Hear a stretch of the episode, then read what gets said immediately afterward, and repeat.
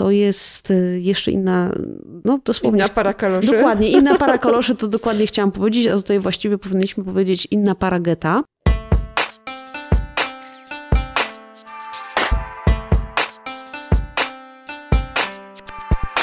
Cześć, to jest wasz ulubiony podcast z kotkiem, czyli podcast o Japonii, bloga Byłem tu Tony Halik.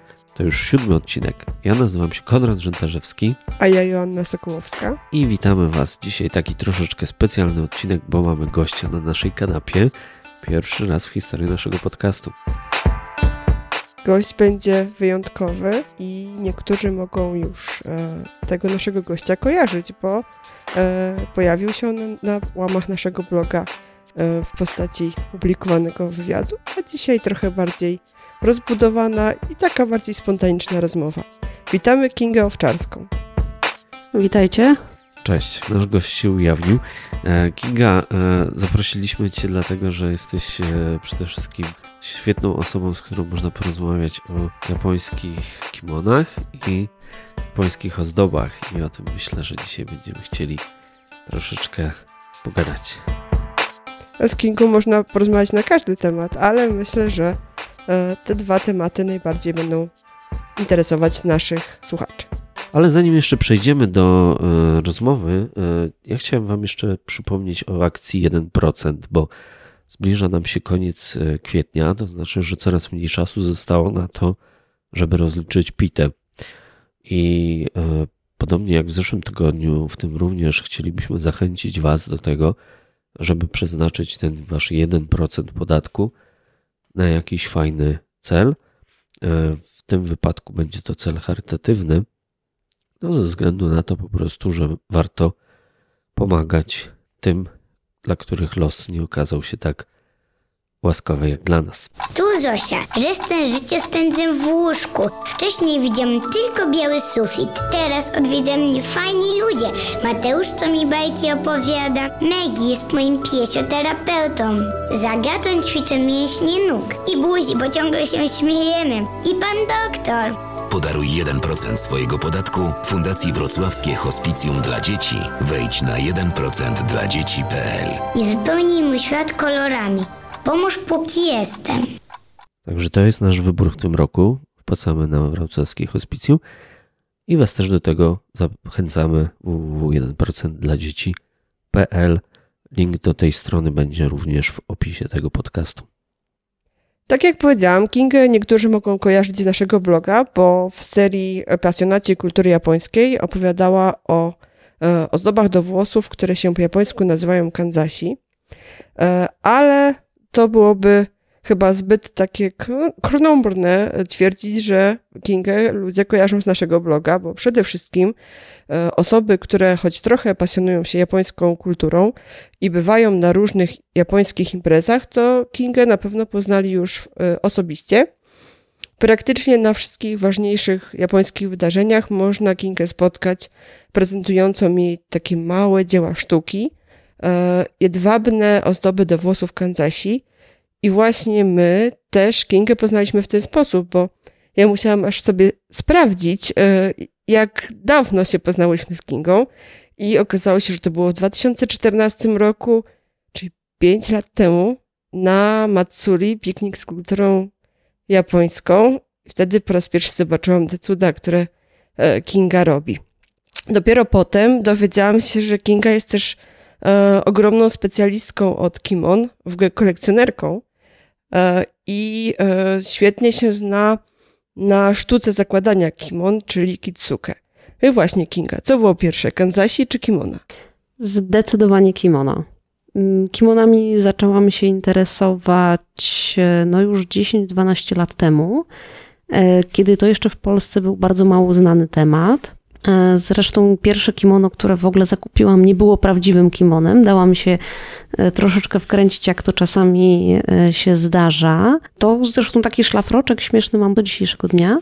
I najzwyczajniej w świecie to jednak wystarczyło, żebym wkręciła się w, tę w tą kulturę, w, w to rzemiosło, w tą sztukę, ponieważ tak jak wspomniałaś, kitsuke, czyli sztuka zakładania kimona, jest praktykowana y, w szkołach nawet.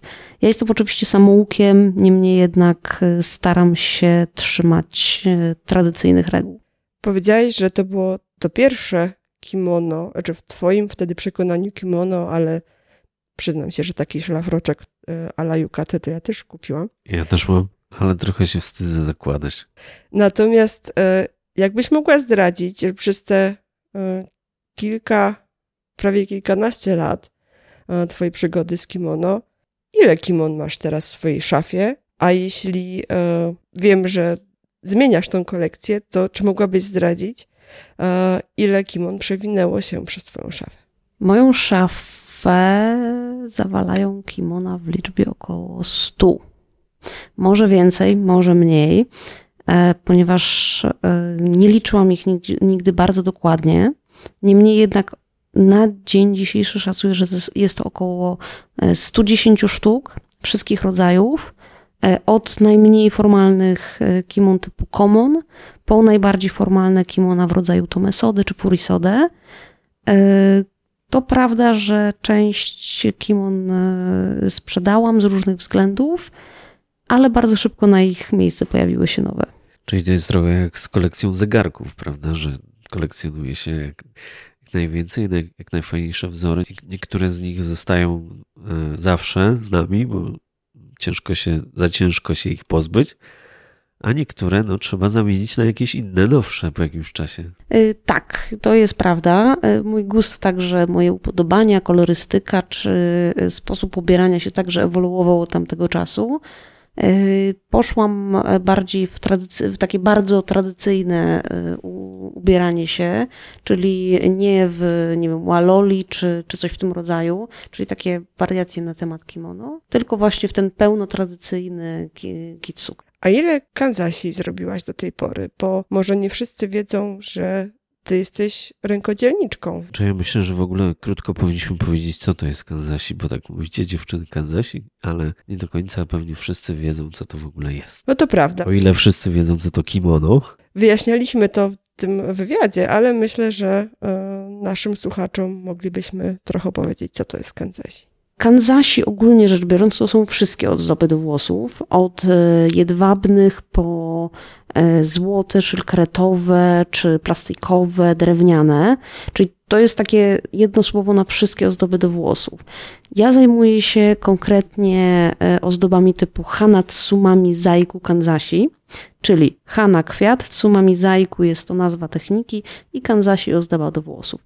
Czyli to są te, na, e, które dzisiaj e, są określane takim trochę skrótowym określeniem Kanzasi, przynajmniej w Polsce. A dlaczego wybrałaś tą technikę Tsumami Zaiku? Wyśmienite pytanie.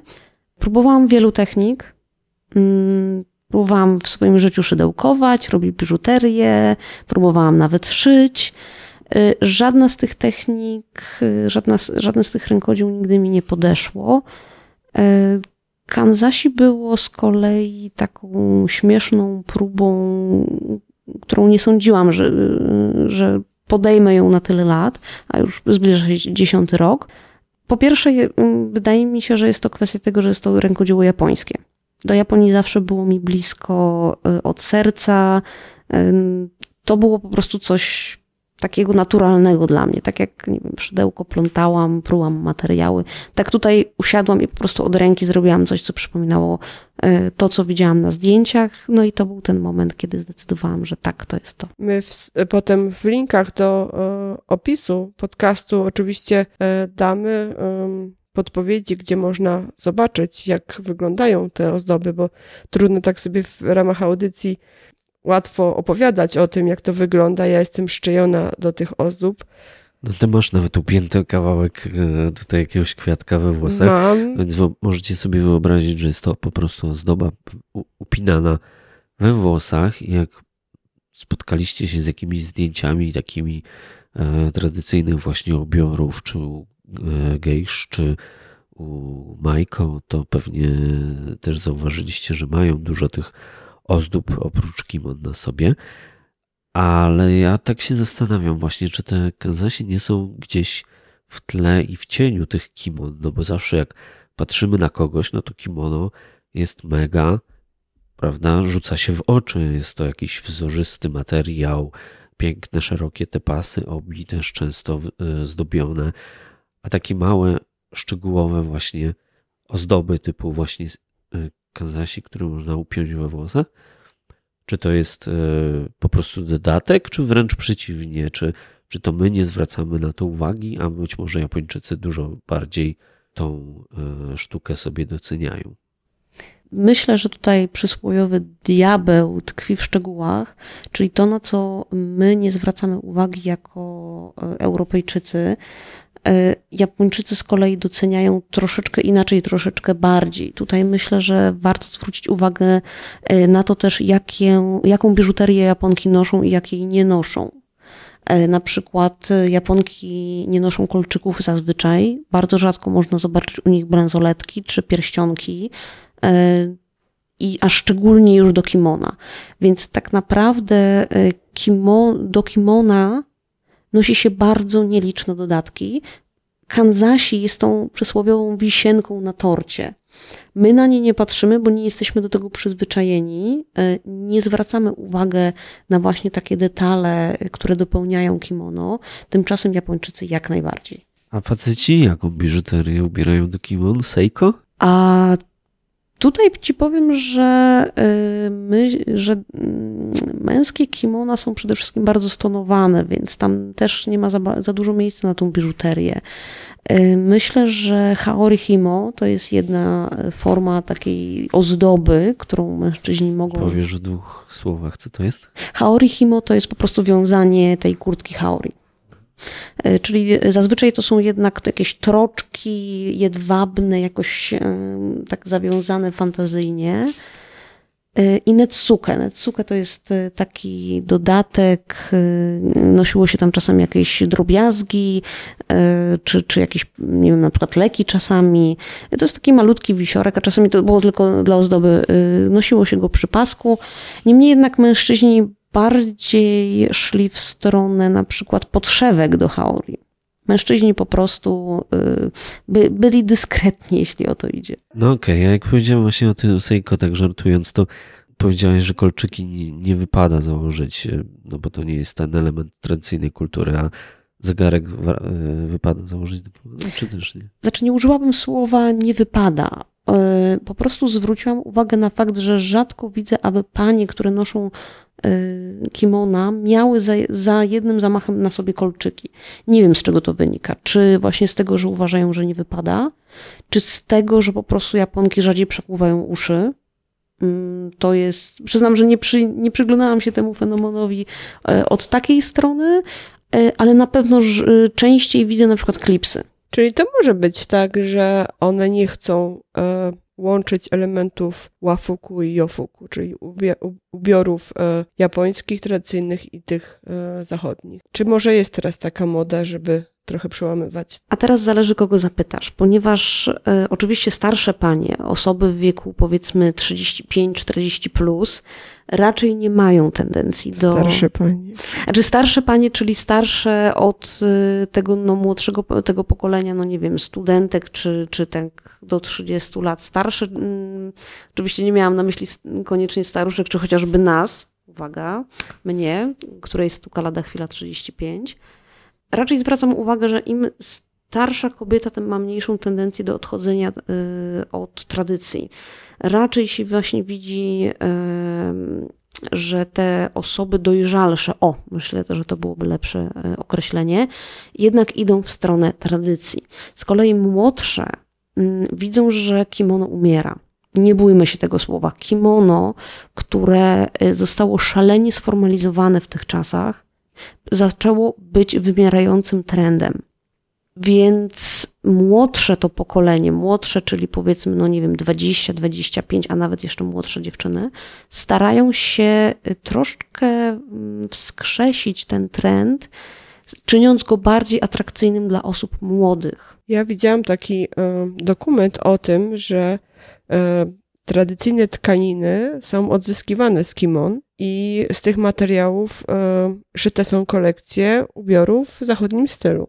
Co o tym myślisz? Czy to jest profanacja tych materiałów, czy to jest taki upcykling może, który y, właśnie jakby rozwija czy rozbudza na nowo zainteresowanie tradycyjnymi materiałami. Myślę, że to jest cudowny pomysł, który ma szansę y, wskrzesić tradycyjne, a już upadające i wymierające y, warsztaty.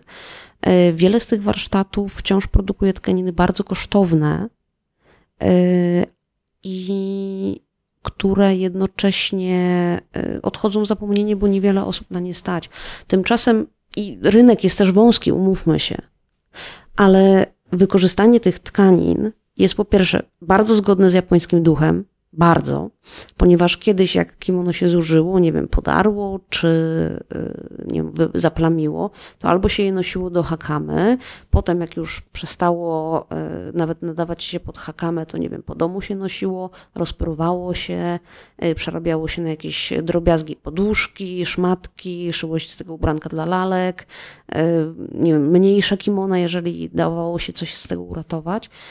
Więc uważam, że to jest genialny pomysł, który ma szansę y, wskrzesić część tradycyjnego rękodzieła. Ja mam takie y, pytanie, bo przed chwilą powiedziałaś, że y, kimono umiera i kimono już w Japonii jest taką sztuką, którą, której młode pokolenie nie interesuje.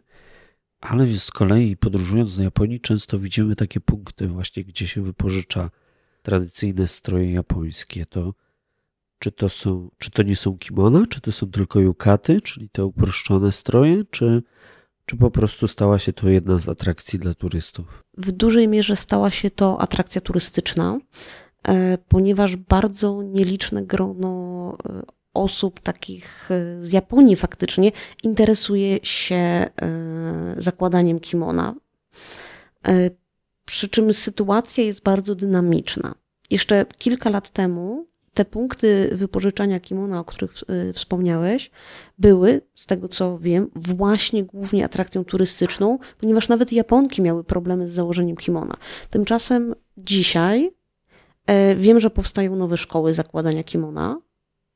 E, powstają e, nowe warsztaty, gdzie szyje się kimona z tradycyjnych i współczesnych tkanin troszeczkę mam wrażenie, że Japończycy się e, ocknęli, że jedno z e, ich wspaniałych dziedzictw narodowych staje się przeżytkiem.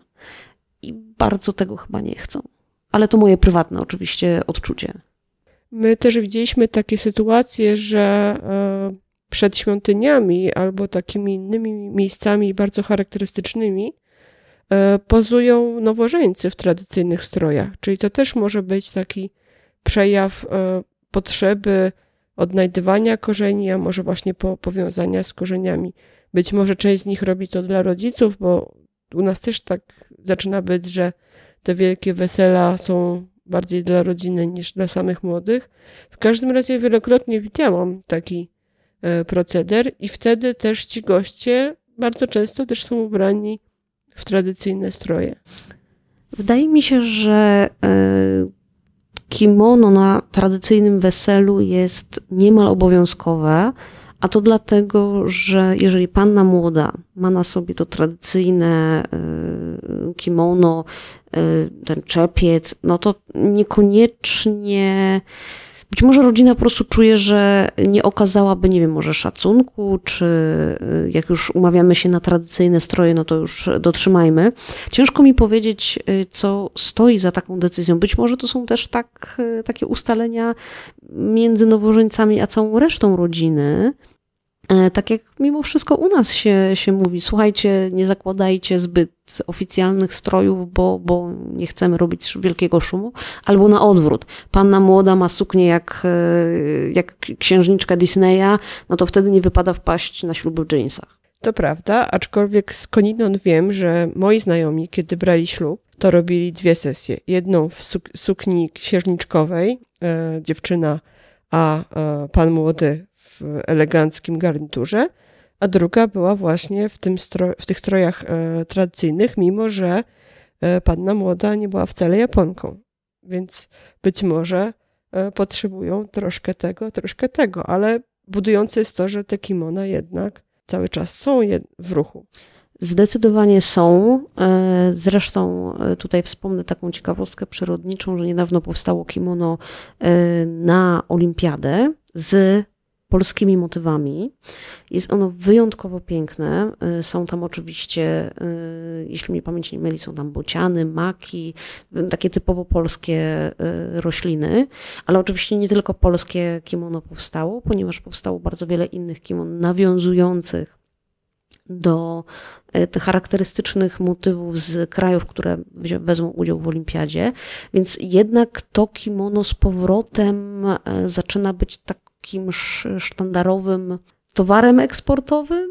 Może to nie jest ładnie powiedziane, ale mówmy się, że nikt nie będzie trzymał tradycji przy życiu, jeżeli nie opłaci się to w jakiś sposób.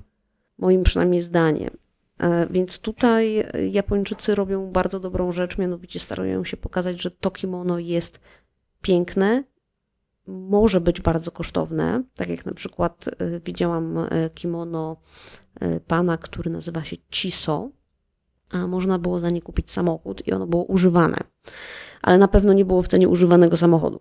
Czyli trochę podobnie jak suknie od Kitir. Tak, więc tutaj przyznam, że, że mogę sobie jedynie wyobrazić e, poziomy cen, ale tak. Słuchajcie, e, w naszej grupie Japonia budżetowo, e, tanie podróżowanie, widziałem całkiem sporo wątków, bo Teraz jest taki szczyt, można powiedzieć, wyjazdów do Japonii, związany z tym, że mamy Hanami, że kwitną wiśnie w Japonii. No i też naturalnym miejscem, do którego ludzie podróżają jest Kyoto. No, jak Kyoto, to i prawda, Gion i Geisha i mnóstwo tych kimon pojawia się na zdjęciach, więc myślę, że e, tutaj turyści są bardzo zainteresowani kimonami i myślę, że Polacy bardzo sobie dobrze radzą w e, rozpoznawaniu tych kimon. Nawet widziałem, że były tam dyskusje dotyczące tego, jak powinna, jak, jak powinna wyglądać majko, e, że powinna mieć kołnierzyk koniecznie czerwony, że kimono powinno zawierać jakieś tam elementy związane z porą roku. Moje pytanie, czy właśnie w duchu tej tego podróżowania budżetowego jesteśmy w stanie przywieźć z Japonii jakieś kimono, nie wydając jednocześnie równowartości samochodu. Absolutnie tak. Najtańsze kimono, y, nawet nie musimy wyjeżdżać do Japonii, ale jeżeli ktoś już wyjeżdża, ma to szczęście, y, to zawsze warto y, zerknąć do do second handu. O, dziękuję. E, jak najbardziej. E, problemy, znaczy nie, nie ma problemu ze znalezieniem kimona taniego. E, jest najtańsze kimono w mojej kolekcji. Ono akurat teraz pojechało do UK właśnie w ramach zmiany właściciela i zmiany, zmiany kolekcji, ale to kimono swego czasu kosztowało mnie dolara 50 plus przesyłka. Chyba taką trochę niedyskretnym pytaniem byłoby zapytać, za ile je sprzedałaś? Y, Czy nie, tam rząd wielkości się zmienił? Nie, nie, znaczy y, dolar 50 plus tam, y, no ja potrzebowałam powiedzmy, no, żeby mi się chociaż ta przesyłka zwróciła, więc tam to kimono bodaj razem z innym jeszcze pojechało trochę droższym za około 40 dolarów, w sensie i przesyłka, i kimona i tak dalej, bo nie chciałam na tym zarobić, tylko wiedziałam, że ja już tego kimona nie założę i bardzo chciałam dać mu nowy dom, e, gdzie będzie kochane, noszone i hołubione. I bardziej o to mi chodziło niż o e, finansowy taki aspekt. Czyli można także u ciebie szukać pięknych e, i pielęgnowanych kimon. Być może się na wyprzedaży jakieś pojawią. Zdarzają się. Są to głównie kimona po prostu, które albo przestały mi pasować pod kątem gustu, albo E, I tutaj uwaga, kimona wcale nie są wszystkie w jednym rozmiarze. E, więc e, te kimona, które ja, mm, że tak powiem, no po prostu odsprzedaję, są po prostu na mnie za małe. Zwłaszcza, że jednak Polki są przede wszystkim wyższe i to też pewnie jest kłopot. Czy może nie? Czy może jest jakiś sposób, żeby dopasować kimono do europejskiego wzrostu? Wzrost jest tutaj najmniejszym kłopotem. E, większość kimon, które ja posiadam, jest według tradycji na mnie troszeczkę za krótka. Ja je potrafię tak założyć i dopasować, że nie będzie problemu z długością. Będę w stanie założyć je tak, że powstanie taka fałdka, która się nazywa ohasiori. To jest taki fragment, y, taka zakładka materiału widoczna pod obi. E, I to bardzo, to jest bardzo łatwo osiągnąć, ponieważ w, na etapie wiązania kimona można y, taki paseczek, który się nazywa kosihimo, który trzyma to wszystko nam w kupie, za, y, zawiązać mm, pod biustem, na brzuchu, między biodrami a brzuchem albo na biodrach. Ja w momencie, kiedy mam bardzo krótkie kimono, wiążę to po prostu na biodrach, także dlatego, że ze względu na moją budowę ciała jest to po prostu dla mnie najwygodniejsze. Y, dużo większym wyzwaniem, jeśli idzie o zakładanie kimon, jest tak zwany yuki, e, nazywany czasami po, z angielska wingspan, czyli mówiąc e, wprost, jest to taka, taki wymiar tak żeby kimono, rękaw kimona zachodziło na nadgarstek. E, w momencie, kiedy e, to jest za krótkie, a większość kimon to jest około yuki 128-130 cm, e, to się wydaje dużo, dopóki nie zdajemy sobie sprawy, że na przykład, że ja przy wzroście dokładnie 1,61 m mam yuki 71 cm, czyli idealne kimono powinno mieć 142 na mnie centymetry szerokości. Jestem w stanie założyć węższe dzięki kilku drobnym sztuczkom. E, ponadto też jest to kwestia gustu. Na przykład e, moja przyjaciółka Karina, ona w ogóle się nie przejmuje wingspanem. Dla niej rękaw może sięgać równie dobrze do połowy ramienia i jej to nie przeszkadza. Jest, może tak być, jest fajnie. E, może z kolei nie lubi nosić kimon za krótkich, bez odpowiednio długiej fałdy o hasiori, bo jej to po prostu przeszkadza. Nie czuje się w tym komfortowo. Ja z kolei mam na odwrót. Rina zawsze bardzo elegancko wygląda w kimonach. Tak nawiasem tutaj małą dygresję powiemy, że Rina to też jest artystka, która tworzy japońskie wycinanki kirie. Zgadza się. E, jest e, uznaną mistrzynią nie tylko w Japonii czy w Bułgarii, ale na świecie. No dobra, od razu mi się nasunęły dwa nowe pytania. Nie wiem, czy skończymy dzisiaj ten wywiad. Zostanie King z nami do rana chyba dzisiaj. Przede wszystkim mówiłaś o sprzedawaniu kimona do e, Wielkiej Brytanii, więc pytanie, które się nasuwa naturalne, to czy jest jakaś giełda e, online w internecie, gdzie właśnie kimonami można się wymieniać, czy, czy właśnie kupować od innych pasjonatów? A drugie pytanie, czy no raczej prośba, że właśnie napomniałem o tych dyskusjach, które u nas się na grupie toczyły, dotyczących czerwonych kołnierzyków, różnych wzorów na kimonach.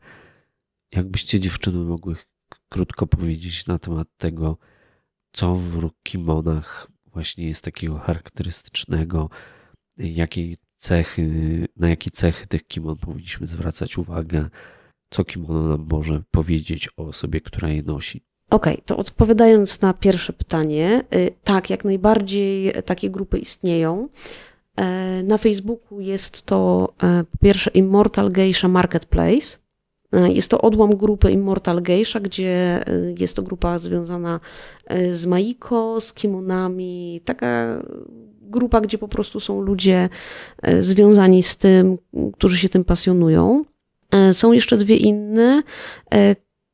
E, Kimono Market i na pewno bazar japoński. Prawdopodobnie e, jeszcze jest jedna, którą, której nazwę mogłam zapomnieć, ale to mogę potem wygooglać, tam sprawdzić dla Was. Tak. Tam można zarówno się wymieniać, kupować i sprzedawać.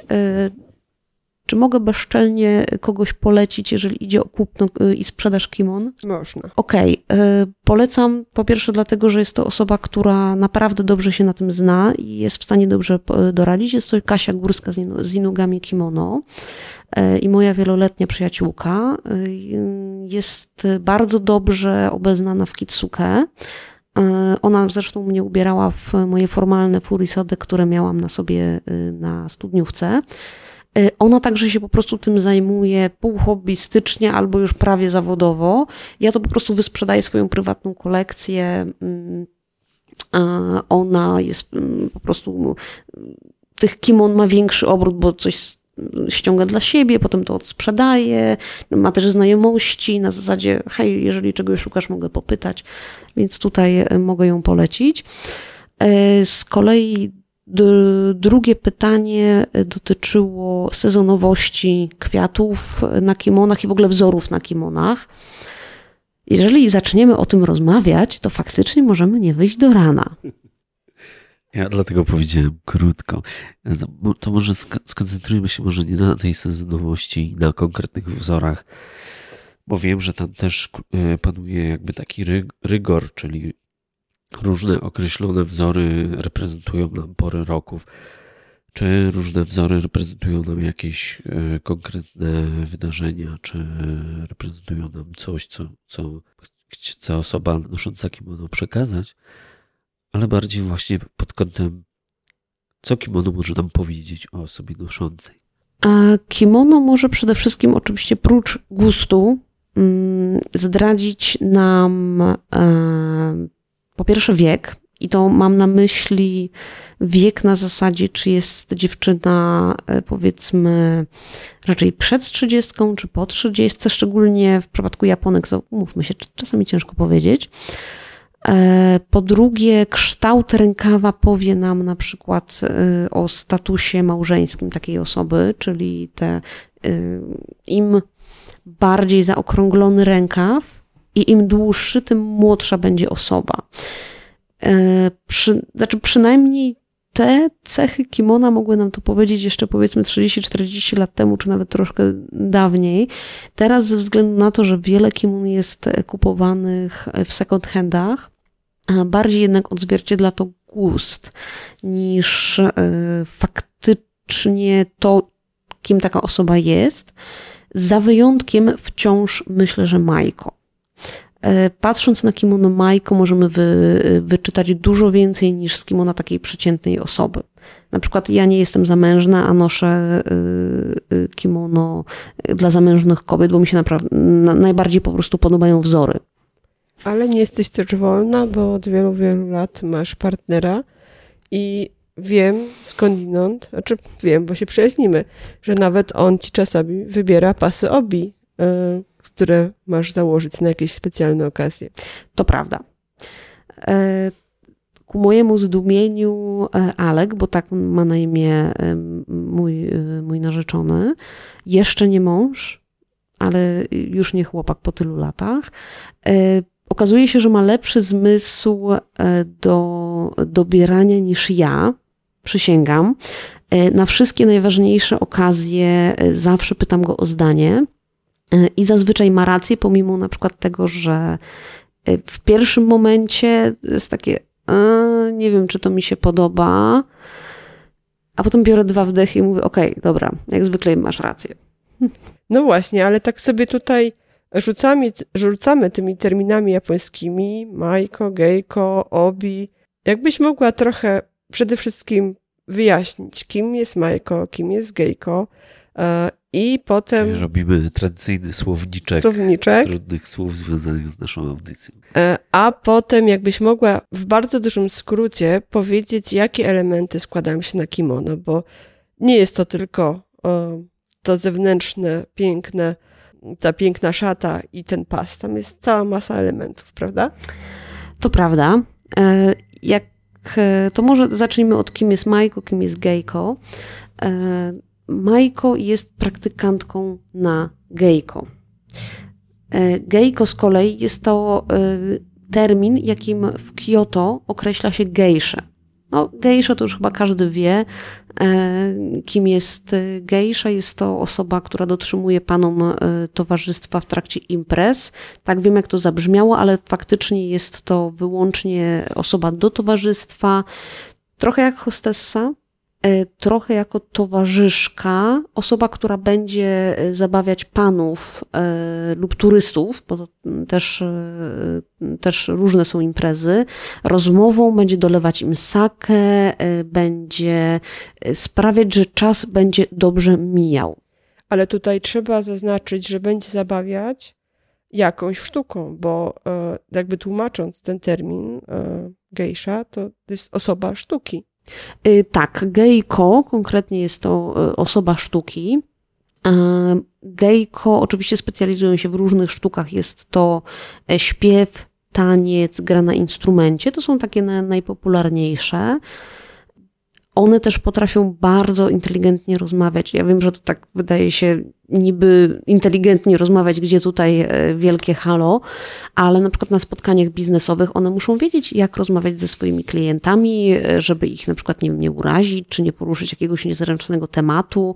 One się bardzo dobrze orientują e, w, między innymi w sprawach jakichś politycznych, no bo czasami goszczą naprawdę ważne osobistości. Przede wszystkim jednak one po prostu mają umilać czas osobom na imprezie.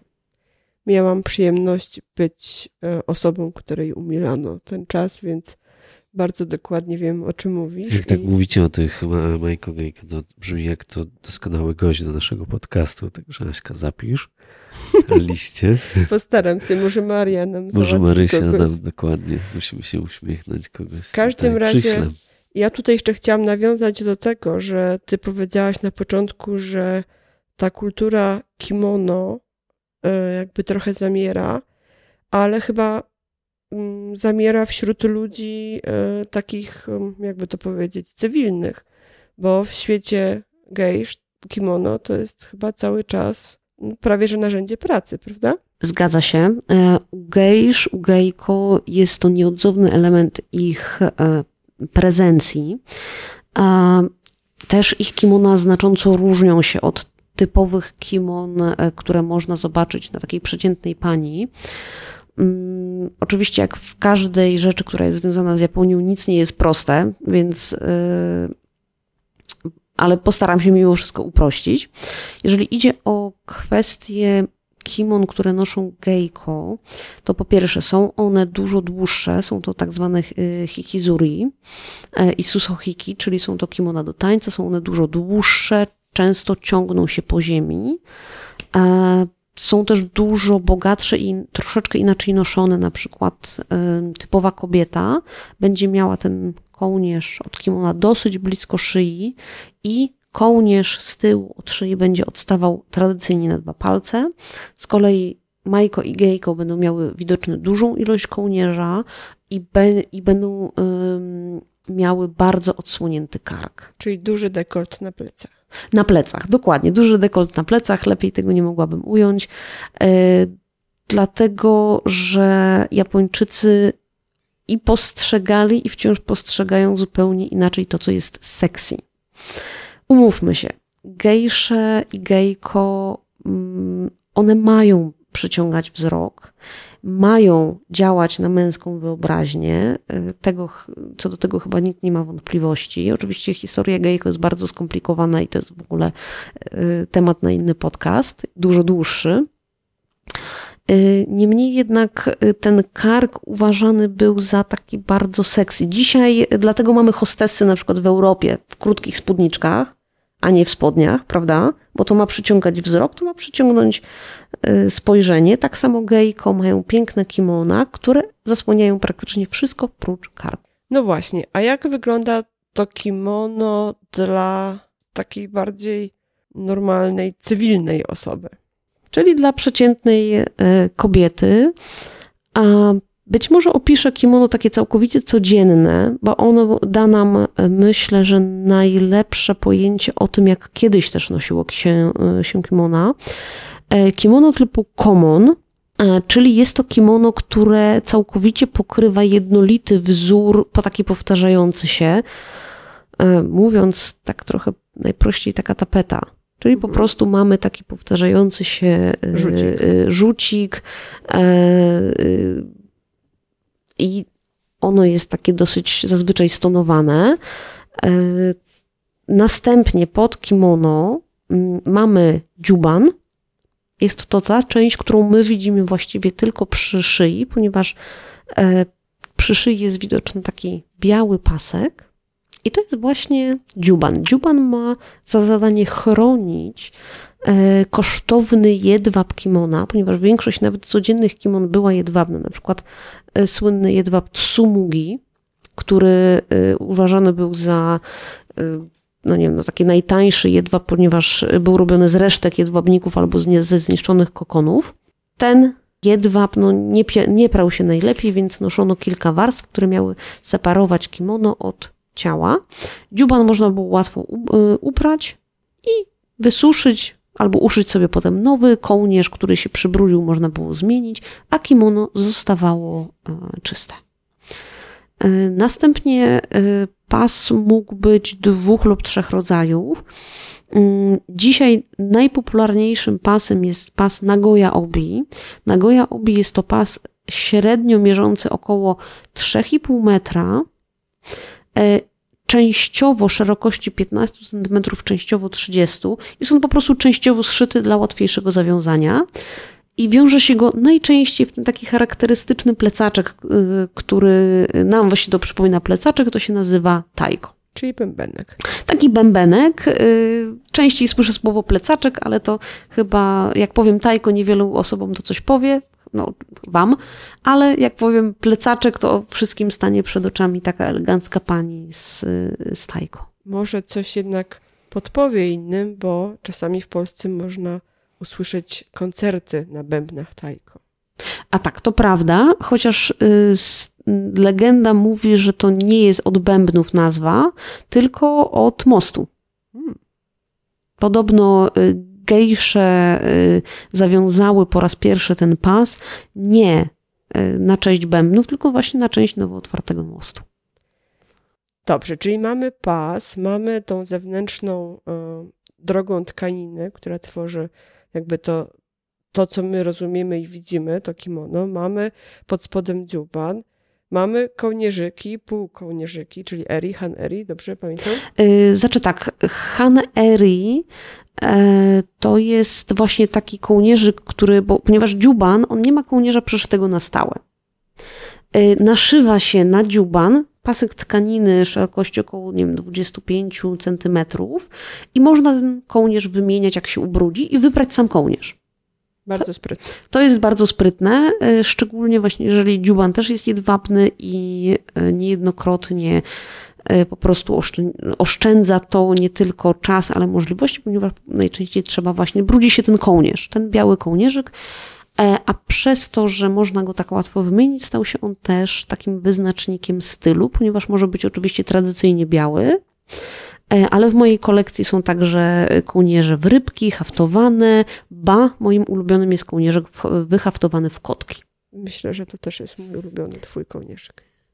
E, to jest y, po prostu, to pokazuje, że jednak kimono, które jeszcze niedawno właśnie wymierało, właśnie się odradza, ponieważ możemy bardzo łatwo zobaczyć, że ono jednak ulega teraz trendom, a nie ulega jednak trendom i zmianom w modzie coś, co już tak jest finalnie umarłe.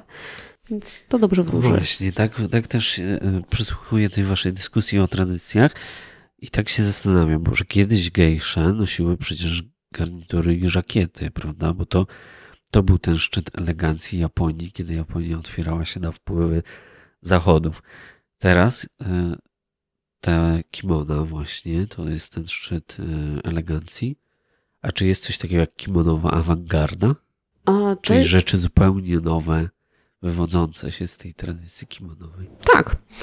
E, znaczy tak, gejsze sensu stricte, tu być może powinnam, e, powinno się dopytać eksperta, ale jeśli mnie pamięć nie myli, na żakiety prze, przerzuciły się tak zwane geisha girls, które nie były sensu stricte nigdy y, gejko, ale to też ponownie jest y, rozmowa na, na dłuższy podcast.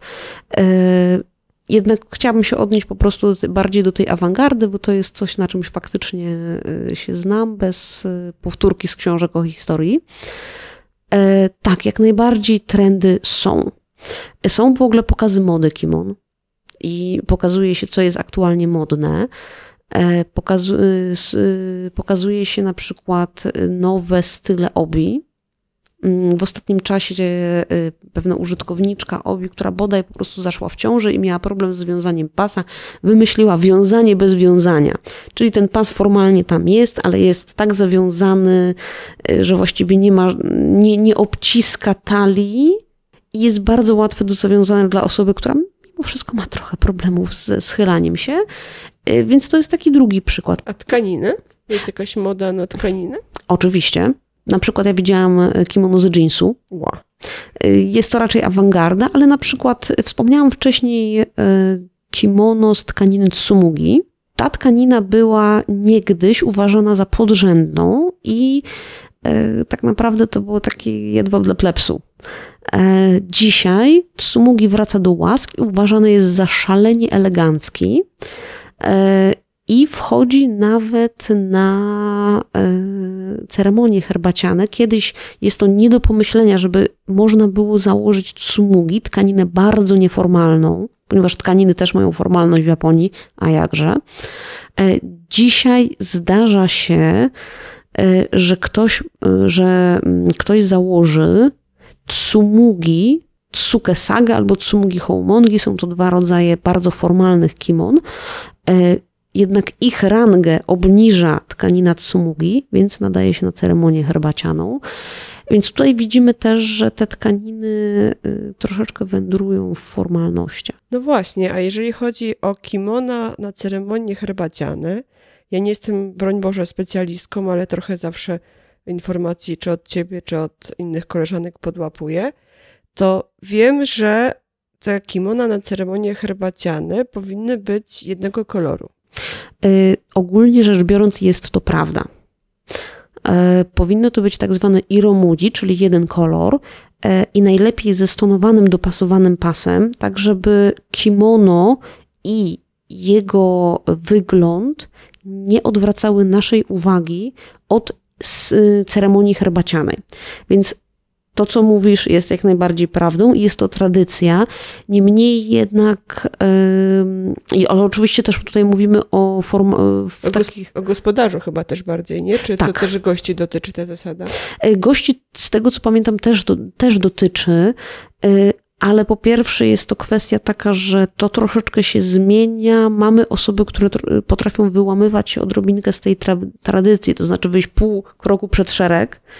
E, a poza tym, tak jak wspomniałam, mm, Iromudzi jest średnio, średnio formalnym kimonem. E, jeżeli z kolei weźmiemy sobie kimono Tsuke Sage, które jest wyżej formalnie niż Iromudzi, ale ono jest z tkaniny tsumugi, to automatycznie obniża się jego ranga. Czyli wyrównuje się z tym iromudzi? Um, upraszczając, tak.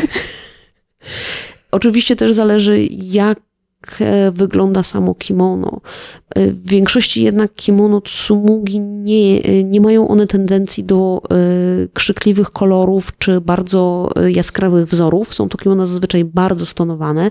Wszystkie kimona Iromu, przynajmniej nie Iromudzi, tylko tsumugi, jakie posiadam, są kimonami bardzo stonowanymi. No właśnie. A ja pamiętam, że... Mm zdarza ci się nosić kimona do pracy.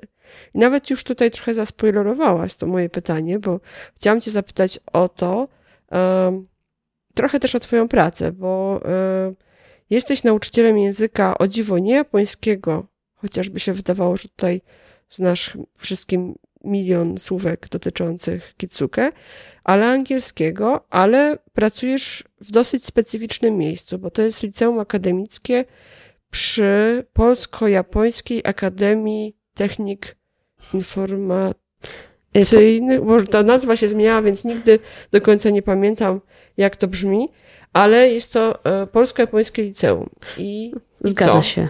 I pojawiają się super jakieś takie ważne e, okazje, jak wspomniana już studniówka, i pani profesor nie chodzi tam na tą studniówkę w sukni balowej, prawda? E, to prawda, ale jest to oczywiście mój prywatny wybór. E, wynika to nie z jakichś nakazów czy, czy oczekiwania. Wynika to wyłącznie e, z tego, że ja się po prostu lepiej czuję w kimonie niż w jakiejkolwiek kietce. Mm. A jakie kimono wtedy wybierasz? Bardzo formalne, czy po prostu bardzo ładne? Zależy, mm, zależy od studniówki. Pierwsza studniówka, na której e, byłam w kimonie, e, wybrałam już wspomniane przeze mnie e, iromudzi, bo jedno, kolorowe kimono, z tkaniny tsumugi. Jedno, jest to właśnie jedno z kimon, które, nie, które potem okazało się, że ono jest dla mnie za małe i niekoniecznie dobrze się w nim czułam. Znaczy inaczej, dobrze się w nim czułam, ale nie leżało na mnie tak, jakbym sobie tego życzyła według tradycyjnych zasad. Niemniej jednak wtedy miałam na sobie to kimono ubrane troszeczkę mniej tradycyjnie, bo miałam na sobie buty na obcasie, rajstopy, to kimono było podwiązane tak do półłytki i, od, i już potem takie dosyć e, jaskrawe dodatki. E, to był eksperyment. Na kolejne studniówki przychodziłam już w tradycyjnym kimonie e, i wybierałam je w zależności od tego, czyja to była studniówka. Czyli na przykład na studniówkę mojej pierwszej klasy wychowawczej, jeżeli słuchacie tego chłopaki, pozdrawiam.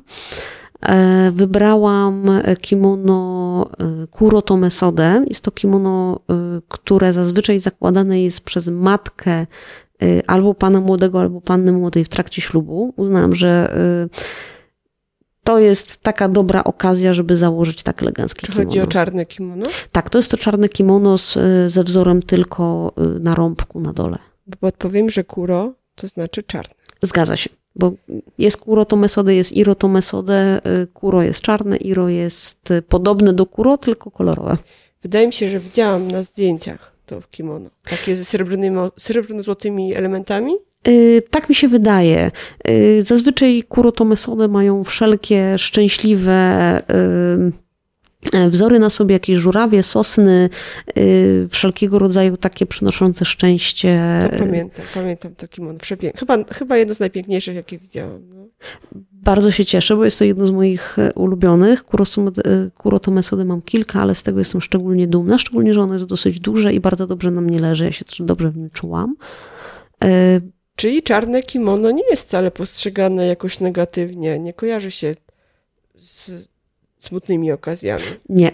E, to jest jak nasza mała czarna.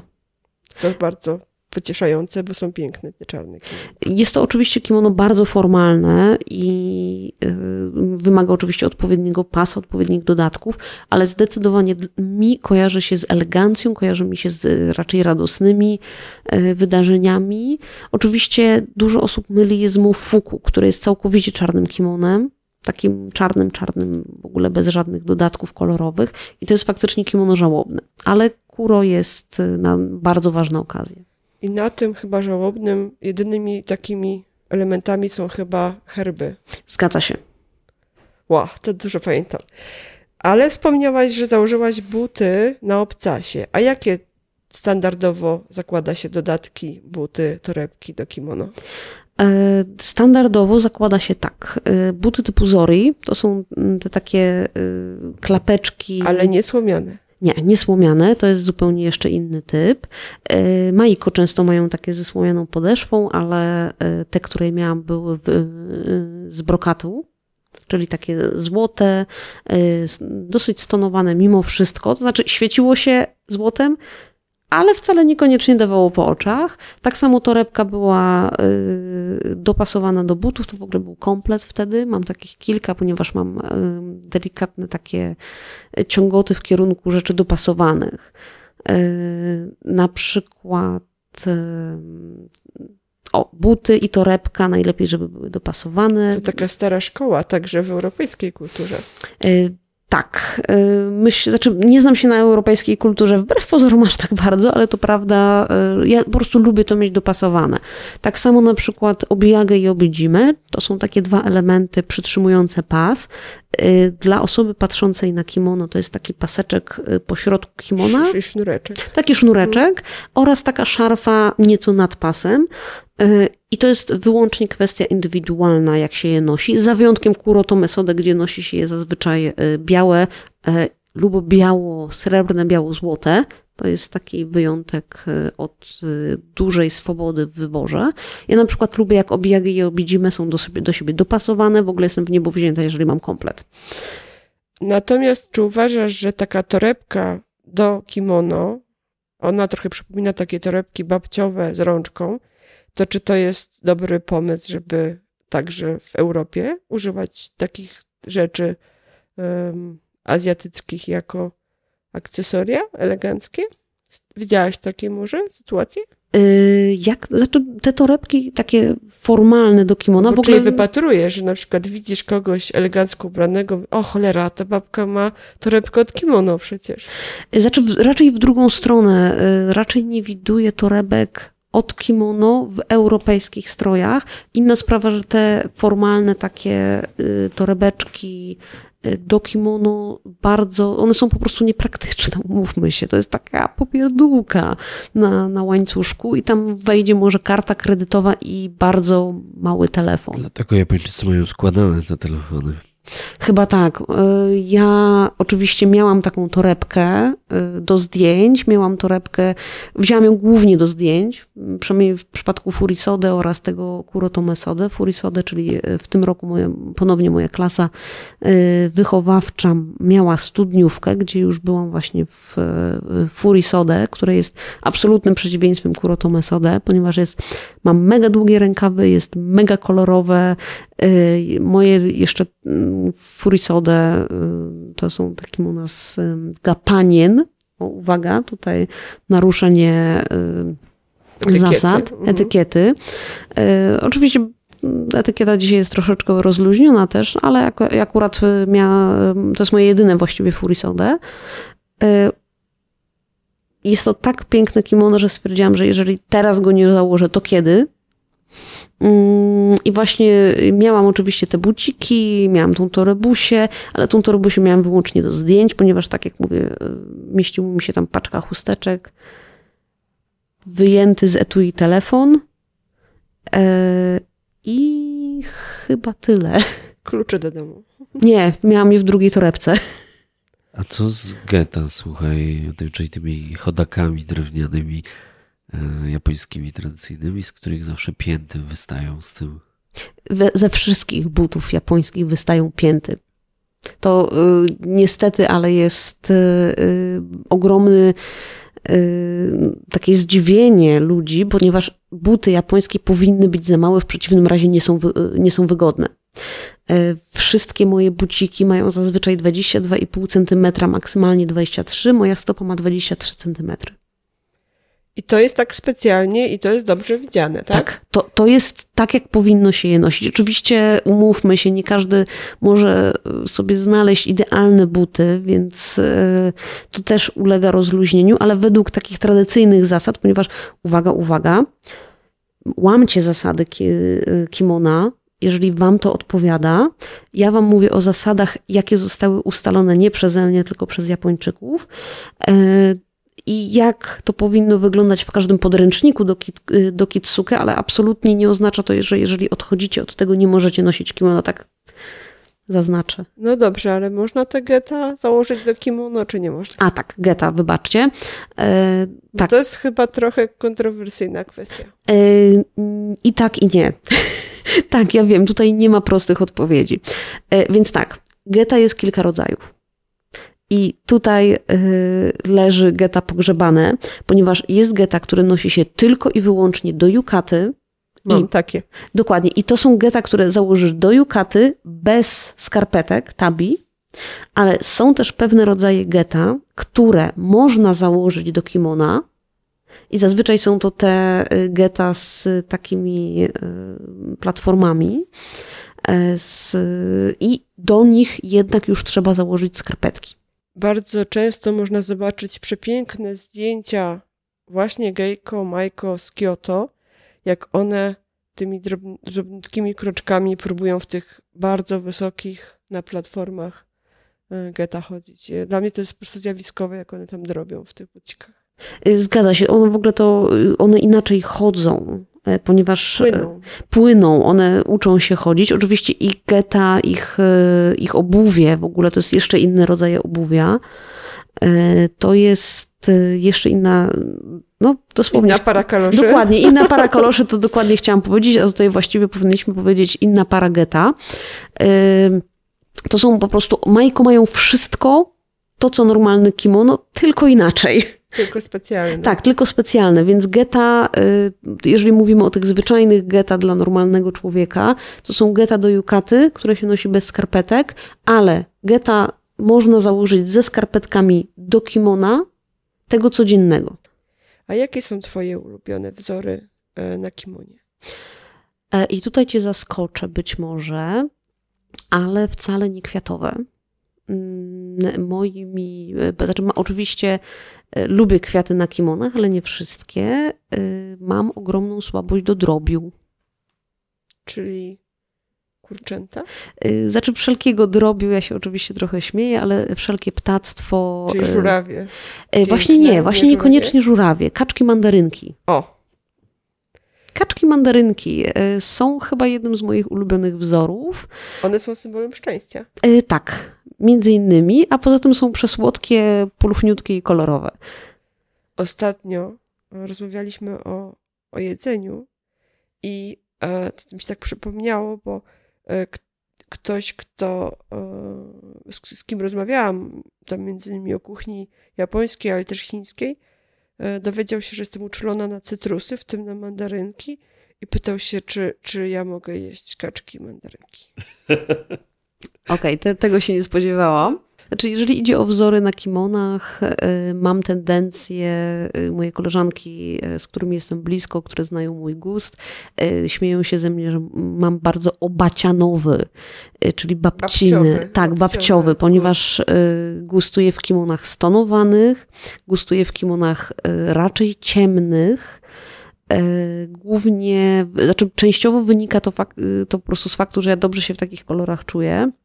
A po drugie, zawsze boję się, że takie jasne, kimono to ja uświnię, do, do czego też mam tendencję. Niemniej jednak du, mam dużo kimon jasnych, e, w, ja, e, w kolorach jasnych, ale pastelowych, albo jasnych, e, stonowanych. Mam też dużą słabość do kimon haftowanych. To ja muszę powiedzieć, że jestem znacznie bardziej nudną osobą, bo najbardziej lubię sakury i śliwy. E, I tutaj Konrad zauważył, że mam dzisiaj spinkę we włosach właśnie z tymi śliwami, zresztą mówiliśmy o tym. To chciałam powiedzieć na swoje usprawiedliwienie, że ja wiem, że to nie teraz się powinno ją nosić, bo mamy e, koniec kwietnia, początek maja i mimo, że wiśnie kwitną w Japonii, to śliwy e, już dawno przestały kwitnąć ale podobno na Tajwanie one cały czas kwitną. Więc no tak... mnie nie pytajcie o gust mój kimonowy. Mój gust kimonowy jeszcze ewoluuje. Jak tylko będę wiedział, jakie są moje ulubione kimona, na pewno wam powiem. Natomiast mamy twoje zdjęcie w yukacie, czyli czymś, co dla uproszczenia niektórzy mówią, że to jest letnie kimono, a to jest takie dużo prostsze, często z naturalnej bawełny, no najlepiej z naturalnej bawełny, a nie z poliestru, jak to czasami można trafić, takie chińskie podróbki. Więc naturalne jukaty na lato, które um, można też znaleźć w wersji kąpielowej w osenach albo w hotelach. Mam takie zdjęcie. Dokładnie tak. Te jukaty są e, w ogóle prawdziwa jukata jest bawełniana lub lniana. E, te poliestrowe, tak jak zauważyłaś, to jest e, taka chińska podróbka. E, przede wszystkim jednak prawdziwe kimono w pierwszej kolejności poznamy po tym, że nie, że Okej, okay, poliester nie jest tutaj wyznacznikiem, uwaga. Wiele z moich ulubionych kimon jest sztuczna, o zgrozo, nie jest jedwabna, ale jest ze współczesnych materiałów i zanim zacznie ktoś krzyczeć, że ale prawdziwe kimono musi być jedwabne, współczesne kimona są jak najbardziej z jedwabi sztucznych, tak zwany rejon. I słuchajcie, bardzo je polecam początkującym, ponieważ nie, bo, nie, mu, nie musimy obawiać się o to, że ono się pobrudzi. Będzie można je ubrać. Dokładnie tak. Wsadza się je do pralki i z radością e, potem suszy się je na przykład rozwieszone, tak jak ja to czyniłam na początku mojej kariery. E, zanim dorobiłam się profesjonalnego wieszaka na kimono, na przewierconej e, rączce od mopa. Czy profesjonalny wieszak na kimono to jest taki, jak w suszarniach wieszają czasami e, taki kij długi bambusowy, gdzie za rękawy się... W suszarniach masz na myśli pralnie i suszarnie, czy restauracje? Nie, restauracje. Tak, to znaczy yy, profesjonalny w sensie to mniej więcej tak wygląda, to jest taki teleskopowy, rozwijany kij z miejscem na powieszenie obi. Ja taki mam, ponieważ jest to dużo prostsze, kiedy kimono się wietrzy po noszeniu, ponieważ no nie, kimono się zasadniczo nie pierze, tylko się je wietrzy, pierze się dziubany. I pięknie wygląda, może stanowić ozdobę mieszczenia. Tak, to prawda. Jest kilka sztuk kimono, które pomimo tego, że są na mnie za małe, to ich e, nie zamierzam oddawać, bo pięknie wyglądają na ścianie. To tak jak z tymi zegarkami, co zaczynają się spóźniać, ale nie chcą się ich właściciele pozbyć. Nieważne, że nie tak. chodzi, ważne, że ładnie wygląda. E, Okej, okay, to już e, omówiliśmy trochę bzika kimonowego wspólnego i widzę, że temat jest bardzo rozbudowany i teraz pewnie wiele osób się zastanawia, że jeśli chciałoby się zainteresować, czy interesuje się tymi kimonami, to czy może dołączyć do jakiejś grupy, czy są jakieś grupy w Polsce, które się tym zajmują. Ja wrzuciłem też e, post u nas na grupę odnośnie tego, że będziemy mieli wywiad. Jedna z e, tutaj grupowiczek Cornelia e, napisała, że a kimono The Jack Warszawa to chyba się już nie spotyka. To jak to jest? Są te grupy? Ale to może wytłumaczmy, co to jest Kimono the Jack, jaka idea temu przyświecała i czy to jest polska grupa, czy może trochę więcej coś można na ten temat powiedzieć i dlaczego to pytanie zadajemy Kindze, bo Kinga jest tak jakby łącznikiem z Kimono the Jack. Najpierw to była grupa ogólnopolska, a potem podzieliła się na mniejsze oddziały Kimono the Jack Warsaw, Kimono the Jack Kraków i tak dalej. Y, znaczy tak, ogólnie Kimono the Jack było inicjatywą oczywiście japońską e, i tam się narodziła idea, ponieważ pewien e, Japończyk stwierdził, że nie, kimono nie zasługuje na to, żeby odejść w zapomnienie. E, noście kimono, nieważne czy jest dobrze dopasowane, źle dopasowane, stare, nowe, czy wy jesteście starsi, młodsi, noście je. Ale uznał, że w grupie siła i zaczął organizować spotkania, gdzie można było spotkać się e, z ludźmi o takich samych zainteresowaniach, o tej samej pasji. Czy można było przyjść w kimonie, bez kimona, ale większość osób jednak przychodziło w kimonie, ponieważ nabierało odwagi, aby włożyć to kimono. Przede wszystkim dlatego, że tam nie byli oceniani. Raczej można było się dowiedzieć, jak coś poprawić, e, czy to, co robią, y, idzie w dobrym kierunku, no bo jednak są pewne błędy w kitsuke, których się nie robi, są pewne zasady, które się nagina, inne można w ogóle zignorować, e, ale jednak tam można było liczyć na wsparcie, a nie na krytykę. Czyli ciocia na weselu nie, nie patrzyła krzywo, że e, ten kołnierzyk za bardzo wystaje, albo że. Właśnie na odwrót. Ciocia na weselu jak najbardziej patrzyła krytycznie. Mnie osobiście zdarzyło się, że na ulicy pewna starsza Japonka podeszła i zaczęła mi tam wszystko poprawiać, o to nie, nie tak. E, z kolei na grupach, e, z kolei właśnie na, w trakcie spotkań Kimono the Jack zasadą było nie oceniamy, pomagamy sobie, wspieramy się. I o to chodziło, że okej, okay, popełniasz błędy, nieważne. Jeżeli boisz się, że popełniasz błędy, zapytaj, my ci powiemy, albo w ogóle nie, nie boisz się, że popełniasz błędy, nie pytaj, nikt nie przyjdzie i ten nie zacznie tam knuć, kombinować i przesuwać. To było w Japonii. I to było w Japonii. W Polsce y, też uznałam, że przyda się taka grupa. Y, prawdą jednak jest, że pierwsze spotkania kimonowe były w Krakowie I tam właśnie, i Kraków był pod tym kątem pierwszy. Ja z kolei starałam się y, takie spotkania zorganizować w Warszawie. Y, obecnie niestety czas mi już po prostu od jakiegoś okresu nie pozwala na to, żeby te spotkania organizować. Czyli trochę zwolniła działalność warszawska grupa, tak? Ja mam nadzieję, że ona jednak się. Znaczy, Kimono the Jack, tak.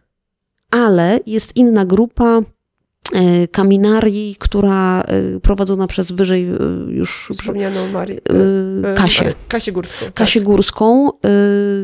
Kasia wyszła ze swoimi spotkaniami kimonowymi, kiedy kimono The Jack Warsaw już, już się troszeczkę rozpłynęło i trafiła po pierwsze na lepszy moment, kiedy to zainteresowanie kimonami było większe oraz po prostu miała, y, jej osobowość po prostu przyciągała ludzi, y, potrafiła nadać tym spotkaniom taki odpowiedni rozmach, odpowiednią oprawę. To chwyciło i jestem Kasi bardzo wdzięczna za jej gigantyczny wkład w rozwój tej, tych warszawskich spotkań. Czyli można szukać kimono de Jack w Krakowie i tam też mamy znajomych. Myślę, że e, fajnie byłoby taką audycję też e, z oddziałem krakowskim zrobić. Albo poszukiwać tych spotkań kimonowych w Warszawie. Sama brałam udział e, raz czy dwa w tych spotkaniach, chociaż nie w kimonie, ale duchem, duchem w kimonie. To się da zmienić. Natomiast e, chyba parę dni temu ostatnio było spotkanie, nie?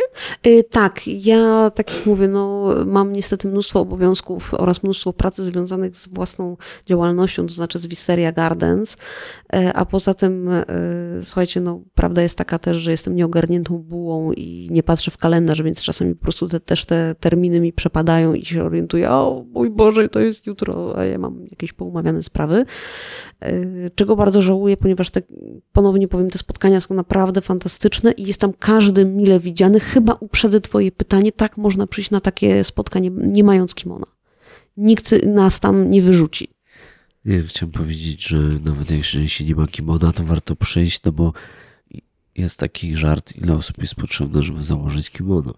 A tak. tak, to prawda. I ponownie nie ma prostej odpowiedzi. Można założyć jednak kimono w, w, w zupełności samodzielnie. E, zdarzyło mi się to nie raz, nie dwa i nie trzy. E, z kolei są też kimona, których, e, które bardzo trudno jest założyć własnoręcznie. Na przykład takie furisodę mnie na przykład ubierała ponownie Kasia Górska, która rozleniwiła mnie troszeczkę, ponieważ o ile potrafię sama się ubrać, tak Kasia potrafi wydobyć z tego kimona na mnie o dużo więcej niż ja sama bym potrafiła. Ja parę razy na sobie miałam pełne kimono ze wszystkim, z tymi deseczkami usztywniającymi pas i tak dalej. Moje najszczersze. Ale, a rzeczywiście to było przeżycie, a na kilka, kilkanaście ładnych minut, no godzinę albo dwie musiałam to kimono mieć na sobie, bo to było wystąpienie, ale wtedy ubierała nas nasza wspólna koleżanka Olga i ja tylko po prostu odsuwałam się, podnosiłam ręce, ona tam wszystko porządzała. Natomiast prawdą jest, że przebywanie w kimono wymusza bardzo takie eleganckie zachowanie. Trzeba się nie garbić, bo inaczej wszystko się tam boli. Do, jeżeli masz dobrze założone kimono, to nie jesteś w stanie się spochylić, a co dopiero to garbić. Prawda, to prawda. Ja zawsze prosiłam, żeby to było troszeczkę luźniej, bo jednak nie jestem przyczajona, chociaż nosiłam redukujące gorsety i to na pewno trochę pomogło. E, natomiast ty umiesz się ubrać sama. Hmm. To jest dla mnie zawsze niesamowita sprawa, zwłaszcza z tym wiązaniem E, pasa obi. Wbrew pozorom nie jest to tak trudne. E, niektóre wiązania nawet do furisodę e, potrafię zrobić na sobie i się ubrać. Oczywiście z czyjąś pomocą jest to dużo prostsze i tak jak już wspomniałam w kimono furisodę i w włożyła mnie profesjonalnie Kasia. E, głównie dlatego, że o ile samo kimono jest stosunkowo łatwo włożyć, to skomplikowane wiązania, które e, powinno się mieć do furisody, czyli jakieś przypominające kwiaty, żurawie, motyle. motyle. Mój ukochany to jest tłusty wróbel. Tak się nazywa, tak się nazywa wiązanie. Faktycznie mi przypomina takiego utuczonego, upupionego wróbla z małymi skrzydełkami. No dobrze, ale to już o, o kimonach powiedzieliśmy bardzo dużo, a ja bym chciała trochę wrócić do tego tematu, który, od którego odeszliśmy, bo wspomniałaś taki magiczny termin Wisteria Gardens. E, ja tutaj chciałam troszeczkę wrócić do tematu kanzasi, czyli tych jedwabnych ozdób. Także dlatego, że powiedziałaś, że mm, te jedwabie wykorzystuje się e, ponownie. E, I właśnie te jedwabie, które można zobaczyć w ozdobach kanzasi, które tworzysz pod marką Wisteria Garden, które są wykonane z jedwabiu, ten materiał jest troszeczkę inny niż to, co nam przychodzi do głowy. I w ogóle te kimona są wytworzone z jedwabi, które nie do końca przypominają nam to, co my w Europie e, widzimy mm, w, w myślach czy wyobraźni, myśląc jedwab, bo wyobrażamy sobie taki bardzo cienki, e, powiewający jedwab, który mi osobiście się kojarzy bardziej z Chinami albo z Indiami. A e, co z tymi materiałami właśnie kimonowymi i, i tymi, z których ty tworzysz swoje ozdoby i czy tam właśnie często się pojawia taki motyw tego ponownego wykorzystania materiału? E, zdecydowanie tak. Jedwabi w Japonii jest e, dużo więcej rodzajów niż, e, niż my kojarzymy. Oczywiście jest mnóstwo rodzajów jedwabiu w Europie, ale Japończycy jednak mają ich jeszcze więcej. Mimo wszystko był to ich główny e, surowiec na, na ubrania, ponieważ bawełna przybyła dopiero w XIX chyba wieku do, mm, do Japonii. Może trochę wcześniej, ale nie była popularna. Len, no powiedzmy jakoś tam, jak cię, jak cię bądź, jednak ten jedwab mm, dominował, więc y, wytworzyło się tego jedwabiu bardzo wiele rodzajów. Od mm, cieniusieńkich y, jedwabi habotai, których używa się na podszewki i na maiko kanzasi, y, po grube, ciężkie tkaniny typu chirimen. Chirimen jest to właśnie taka tkanina charakterystyczna, ma takie malutkie żeberka. Yy, nie umiem tak naprawdę porównać jej do niczego, yy, co widzimy w europejskiej, ponieważ na przykład jeszcze rinzu, e, no to możemy powiedzieć, że jest to tkanina przypominająca jednokolorowy żakard, czyli tkana, także mm, niby ma jeden kolor, ale wzór utkany sprawia, że jak mm, widzi się ją pod różnymi kątami, światło pada e, na nią, to tak widać różne wzory. Odbija jest, się tak ciemniejsza, jaśniejsza. Dokładnie tak, w zależności takie 3D trochę. Trochę takie 3D, więc to jest jeszcze tkanina w miarę znana. Habutaj no, jest taka cieniutka podszewka, yy, produkuje się z nich apaszki. Czyli y, to, co my chyba kojarzymy jako jedwab przede wszystkim. Tak, y, jest oczywiście ten chiński jedwab y, shantung, on jest, to jest właśnie taki przypominający, przypominający tsumugi, czyli to, on jest charakterystyczny, bo ma takie nierówności, takie jakby węzełki na sobie. Ale jest mnóstwo innych jedwabi. Są tkane wzory, są malowane wzory, są wzory, są tkaniny cieńsze, są tkaniny ro. Ro to jest w ogóle tkanina i teraz uwaga, ci, którzy znają się na tkaninach i na kimonach, przypomina trochę, ro przypomina trochę papier toaletowy, ponieważ jest to tkanina letnia, jest niesamowito, niesamowicie cienka i kiedy y, spojrzymy na nią, to tam są takie, takie perforacje, takie dziureczki maleńkie i tak, i mi to właśnie przypomina trochę te perforacje w papierze toaletowym. Jest to y, w ogóle skojarzenie bardzo dziwne, ale tak jest. A z którymi tkaninami ty najchętniej pracujesz i z których robisz swoje ozdoby? E, moim ulubionym materiałem y, jest chirimen, Rinzu, Czyli ten najgrubszy. Ten gruby, on się bardzo ładnie nadaje na e, ciężkie, duże ozdoby, ponieważ e, ma taką masę, wagę, dzięki czemu ta, ten kwiat jest taki pełny, a nie jakieś tam cieniutkie płateczki. Rinzu jest po prostu piękny i ma też bardzo dużo rodzajów, dzięki czemu ten wzór jest też ładnie widoczny. Habota jest świetny, bo właściwie nadaje się praktycznie na wszystko. Można dać jedną warstwę, dwie warstwy, można go farbować. Bardzo, bardzo dobrze się go farbuje. Na przykład Twoja śliwa, którą widzę dzisiaj w Twoich włosach, jest to rinzu. No dobrze, a mówisz o kwiatach. To nie są jakieś upięte materiały, czy takie coś, co my możemy sobie wyobrazić. Ja też spotkałam się z takim e, sposobem robienia ozdób, które są czasami nazywane jako kanzasi ze wstążek, chociaż to chyba nie jest prawidłowe, żeby te wstążkowe ozdoby nazywać kanzasi, ale nie wchodźmy tutaj na ten zaminowany teren. W każdym razie prawdziwe kanzasi wykonuje się z bardzo, bardzo wielu elementów kwadracików, trójkącików malusieńkich, centymetr albo mniejszych. I ty z tych elemencików tworzysz kolejne elemenciki, które składasz, zaginasz, yy, układasz w płatki i z tych dziesiątek elementów dopiero tworzysz te wzory, prawda? Tak. E, Takim podstawowym budulcem e, każdego tsumami zaiku kanzashi jest kwadrat tkaniny. Większy lub mniejszy, w zależności od tego, jaki chce osiągnąć efekt. Następnie jest on, jest on składany y, w sposób bardzo przypominający origami. Mm, I następnie tworzy się z niego płatki. E, Płatków jest tak naprawdę tylko dwa rodzaje w tradycyjnym tsumami zaiku. Jest to maru tsumami okrągły i ken tsumami, czyli tak zwany płatek ostry. E, I tak naprawdę z pomocą tych dwóch podstawowych form można tworzyć całe wzory. E, Ty masz na przykład właśnie śliwę zrobioną z maru tsumami, czyli płatków okrągłych, o dwóch warstwach, żeby ten płatek był pełniejszy, ładniej się trzymał. Czyli ile elementów?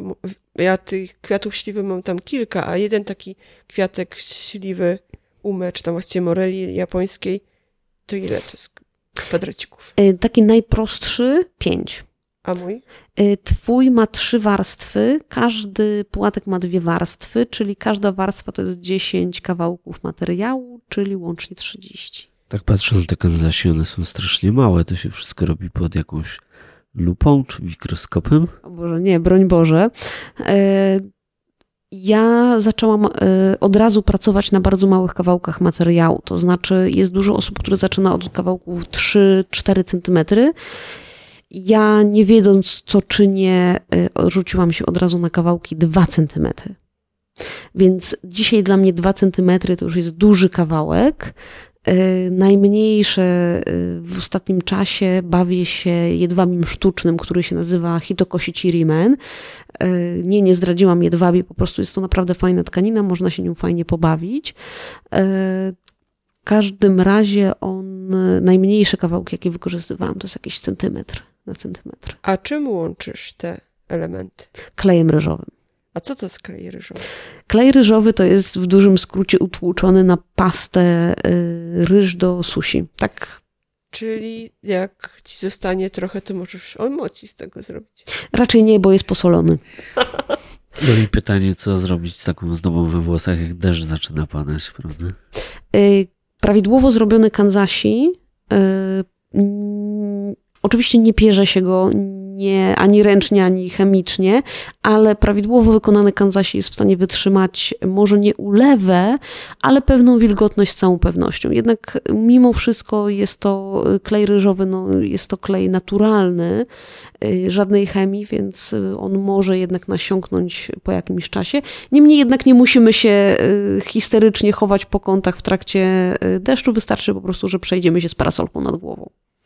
No dobrze, a jakie są twoje ulubione wzory? Poza, poza śliwą, poza wspomnianymi um, wszechobecnymi wiśniami, sakurami?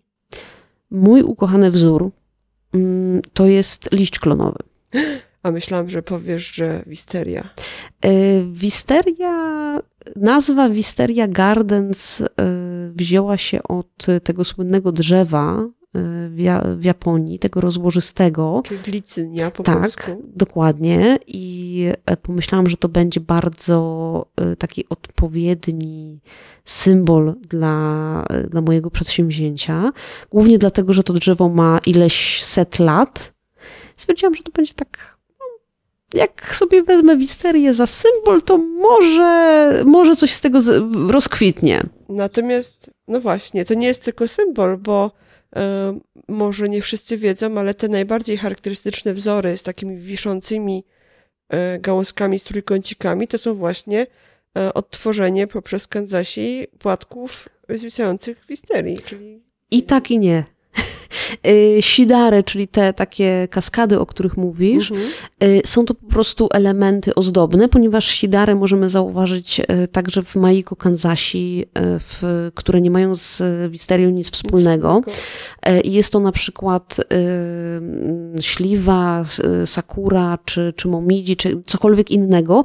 Jest to bardziej po prostu element ozdobny niż y, odtworzenie wisterii, ale faktycznie są przepiękne odtworzenia wisterii Z ręcz, wykorzystaniem tego. z wykorzystaniem tego.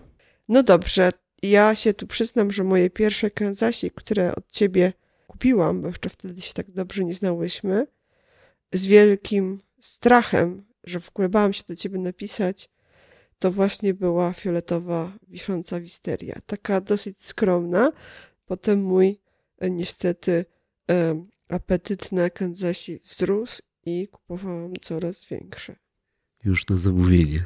Tak, i mam nawet kilka projektów, o których jużśmy zresztą wstępnie rozmawiały.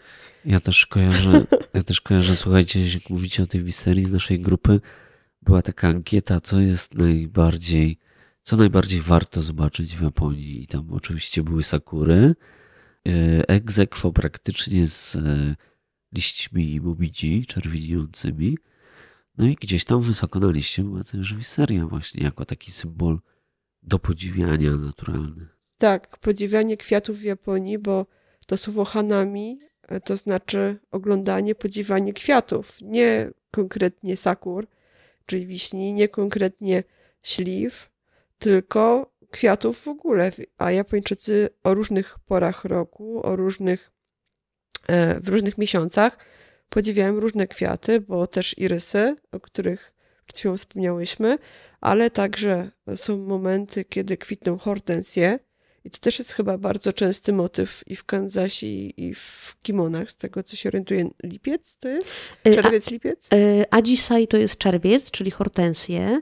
Y, Ajisai oraz wierzba, oba są czerwcowe, są z kolei bardzo charakterystyczne dla Majko. Mówi się, no niby te z, narodowym kwiatem Japonii jest sakura lub ewentualnie cesarska chryzantema. Mhm. Z kolei Majko, z tego co słyszałam, upodobały sobie właśnie hortensję i wierzbę. Piękne e, w Twoim wykonaniu kanzasi hortensjowe też widziałam i można je zresztą zobaczyć na naszym blogu w tym pierwszym naszym pisanym, króciutkim wywiadzie. A te wisterie wiszące, pamiętasz w jakim one e, miesiącu? W maju. W maju. Czyli jakby ktoś spóźnił się na sakury, to wtedy jedziemy. E, są takie różne parki z korytarzami, gdzie można różnokolorowe nie tylko fioletowe, ale różowe, nawet żółte wisterie, czyli glicynie podziwiać. Najczęściej są fioletowe y, i faktycznie to naj, najsłynniejsze drzewo y, to jest właśnie fioletowa glicynia. Natomiast ja jeszcze na koniec mam taką ciekawostkę, bo e, trochę na grupie rozmawialiśmy o różnych wegańskich potrawach.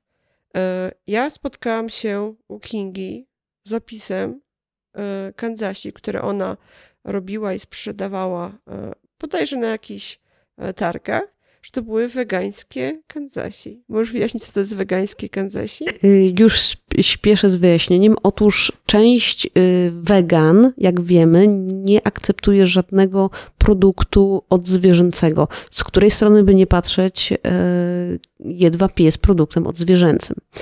E, niektórzy uważają to za dosyć drastyczną formę weganizmu. Ja jednak e, stwierdzam, że.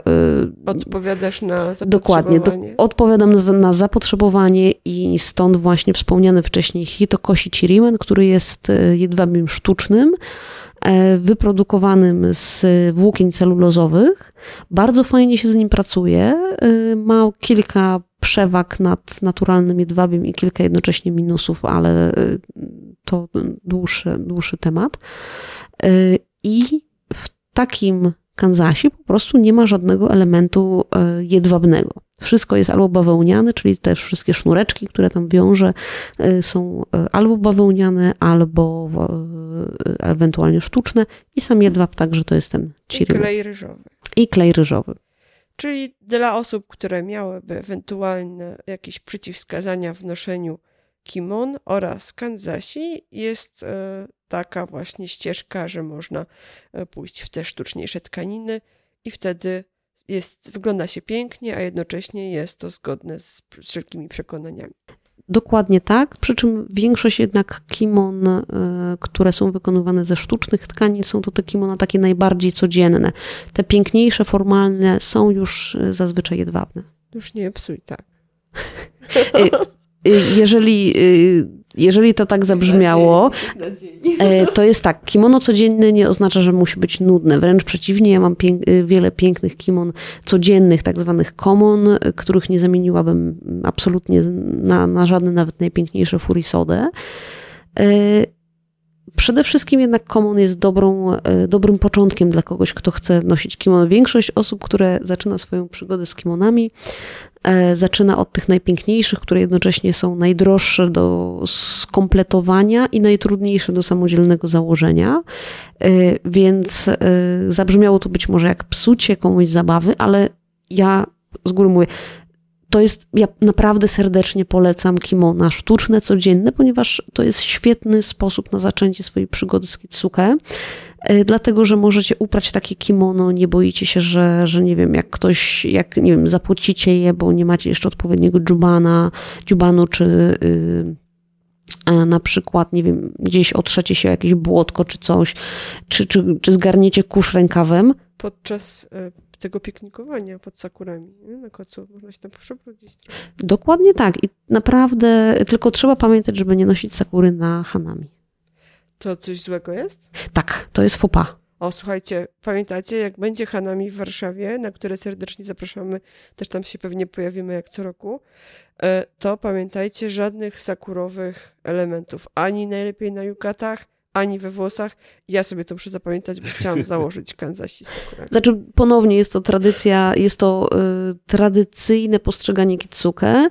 Y, wspomniałam o tym nie po to, żeby odwieść cię od, y, od Sakury, ale dlatego, że kitsuke formalne, które my znamy z książek, versus kitsuke y, takie prawdziwe, codzienne, to są dwie różne bajki. Ale na szczęście mam tą, tą majową glicynię, więc myślę, że będzie idealnie. Majowa glicynia jest perfekcyjna, ponieważ w tym momencie y, szykowne, tak zwane iki, jest założenie czegoś, co jeszcze nie kwitnie i y, jest przed sezonem. Czyli glicynia i rysy są najlepsze na, na, na tę porę roku. To myślę, że tym sakurowo-glicyniowo-irysowym akcentem zakończymy dzisiejszą rozmowę.